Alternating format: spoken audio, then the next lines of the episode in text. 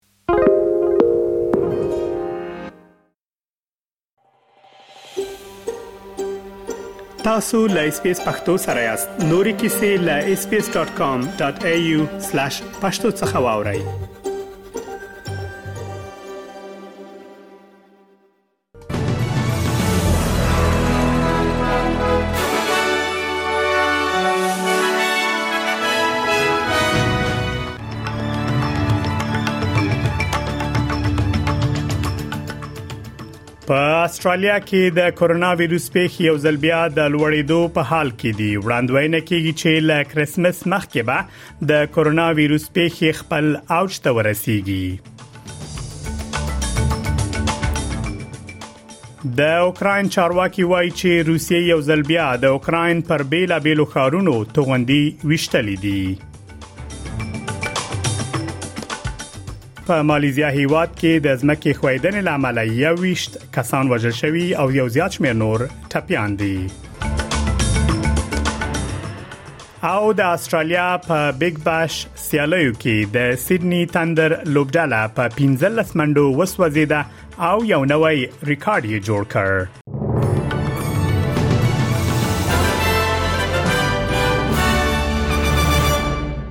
اوس هم پام وکړئ بشپړ خبرونه ته په استرالیا کې د کورونا وایروس پیښې یو ځل بیا د لوړېدو په حال کې دي وړاندوینه کیږي چې له کریسمس مخکې به د کورونا وایروس پیښې خپل اوج ته ورسیږي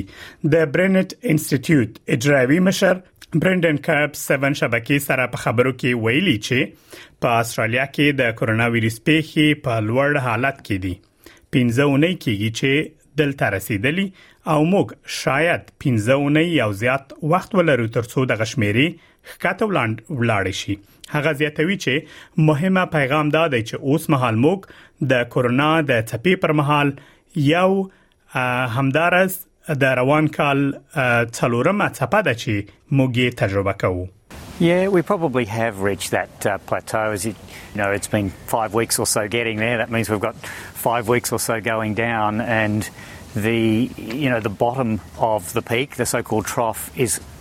has has proven to be a very high uh, baseline. So. I think the most important message is we have a, a, massive COVID wave at the moment, the fourth one for the year, believe it or not. You know, uh, we've had Omicron for a year, and here we are with something of the same scale we've had at any other stage of the year. د اوکراین هیواد اړ شو ترڅو د روسیې د توغندیو د وروستي پریت په خبرګون کې په ټول هیواد کې په بیړنۍ توګه برېښنا قطع کړي د اوکراین چارواکي وایي روسیې له اکتوبر میاشتې راځي په دغه هیواد د توغندیو وشتل زیات کړي او تیر ورځ سهار یې یاد هیواد شپېته راکټ وشتلای دی په یادو بریدونو کې یو زیات شمیر کسانو ته مرګ ژوبله وخته ده د اوکراین د کورنۍ چارو وزارت مرستيال یاوین ینن وای روسیا د انرژي مهمه زیربناوي پنکه کوي هغه وای د توغندیو ضد سیستم یې خورا ښه کار کوي مګر د روسیې لخوا د یو زیات شمیر توغندیو د وشتلو لامل له ستونزې سره مخ دي We already have some blasts in Dnipro, Kharkiv, Kryvyi Rih, Kiev, and Kiev region. Our anti-missile system works quite well, but due to the high quantity of cruise missiles launched by Russian Federation, we still face uh, some difficulties. Unfortunately, we have already received information that uh, some uh, cities are already cut off of the electricity. په مالیزیا هیواد کې د ځمکې خویدنې لامل یو ویشت کسان وژل شوي او یو زیات شمیر نور ټپیان دي د پیخي په قربانیانو کې کوچني ماشومان هم شامل دي چې په خیمه کې ویده و د اوروژنې ادارې په وینا په قربانیانو کې 15 ماشومان او 12 خزي شامل دي یو دیرش کلن کونګ توانګ له یادې پیښې څخه ژوندۍ وتلی دی هغه وایي گاونډي له خوب څخه راویښ کړل ځکه د هغوی کور خویده او زمکه لا د مخه د فارم خواته ښکته شوې و هغه زیاتوي دوه دقیقې وروسته له هغه چې له کور څخه وتښتیدل وایوریدل چې زمکه وخویده او کورونه لمنځه ولاړل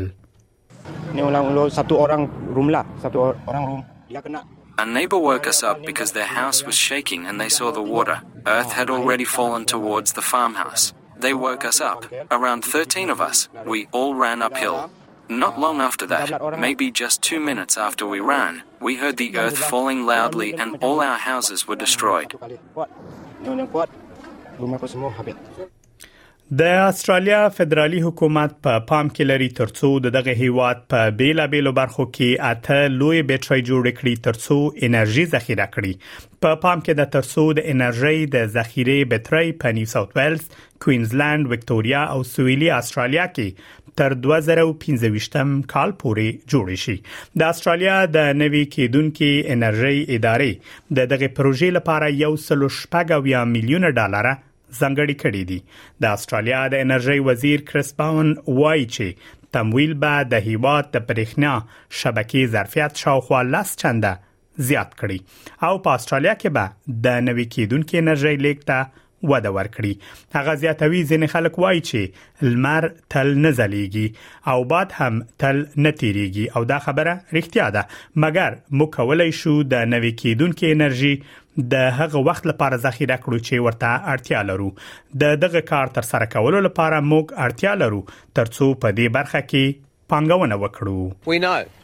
that part of a renewable economy is being able to store renewable energy. Some people say the sun doesn't always shine and the wind doesn't always blow, and that's true. But we could store renewable energy for when we need it. And to do so, we need investment.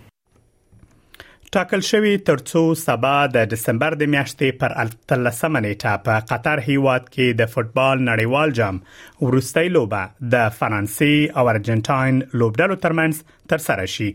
د فرانسې د فوتبال ملي لوبډلې د چهار شنبه په ورځ د قطر په نړیوال جام کې مراکش ته 2 د 0 په پایلې سره ماته ورکړه او د دغه جام ورستۍ لوبې ته لار پیدا کړه د فوتبال نړیوال جام سیالي ل 1913 میلادي کال راځي په هرو څلورو کلونو کې یو ځل تر سره کیږي د 2013 کال سیالي په روسیې هیواد کې تر سره شوې مګر د 2022 کال سیالۍ په قطر هیواد کې روانې دي په قطر هیواد کې د 2022 کال د فوتبال د نړیوالې د نړیوال جام سیالۍ د نومبر پر 21 نیټه پیل شوې د نړیوالو سیالیو لپاره څخه تر اوسه پورې برازیل 15 ځله، جرمني 4 ځله، ایتالیا هم څلور ځله ارجنټاین او فرانسې دواړو دوه دوه ځله نړیوال جامونه ګټلې دي د استرالیا په بیگ باش سیالیو کې د سیدنی تندر لوبډاله په 15 منډو وسوځیده او یو نوی تاریخ جوړ کړ تیر شپه مخام د استرالیا په سیدنی ښار کې د اډلیډ سټرایکر او سیدنی تندر لوبډلې ترمنځ لوب تر سره شو د اډلیټ سټرایکرز لوبډلې په شل اورونو کې د یو سلو څلويختو منډو هدف وټاکه مګر د سیدنی تندر ټول لوبغاړي په 15 اورونو او 15 بالونو کې وسوځیده او یوازې 15 منډې جوړ کړې د استرالیا د بیگ باش په سیالیو کې د افغانستان د ملي لوبډلې لوبغاړی راشد خان د اډلیټ سټرایکر او فضل حق فاروقي د سیدنی تندر لوبډلې د ټیم غړی دی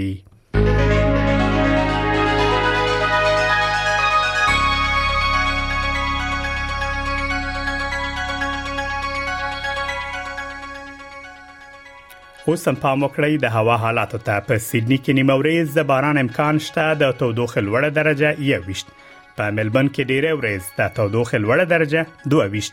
په برزبن کې د باران امکان شته د تودوخې لوړه درجه 15 په پرت ښار کې ډیره لمر د تودوخې لوړه درجه 11 په اډلیډ کې هم ډیره لمر د تودوخې لوړه درجه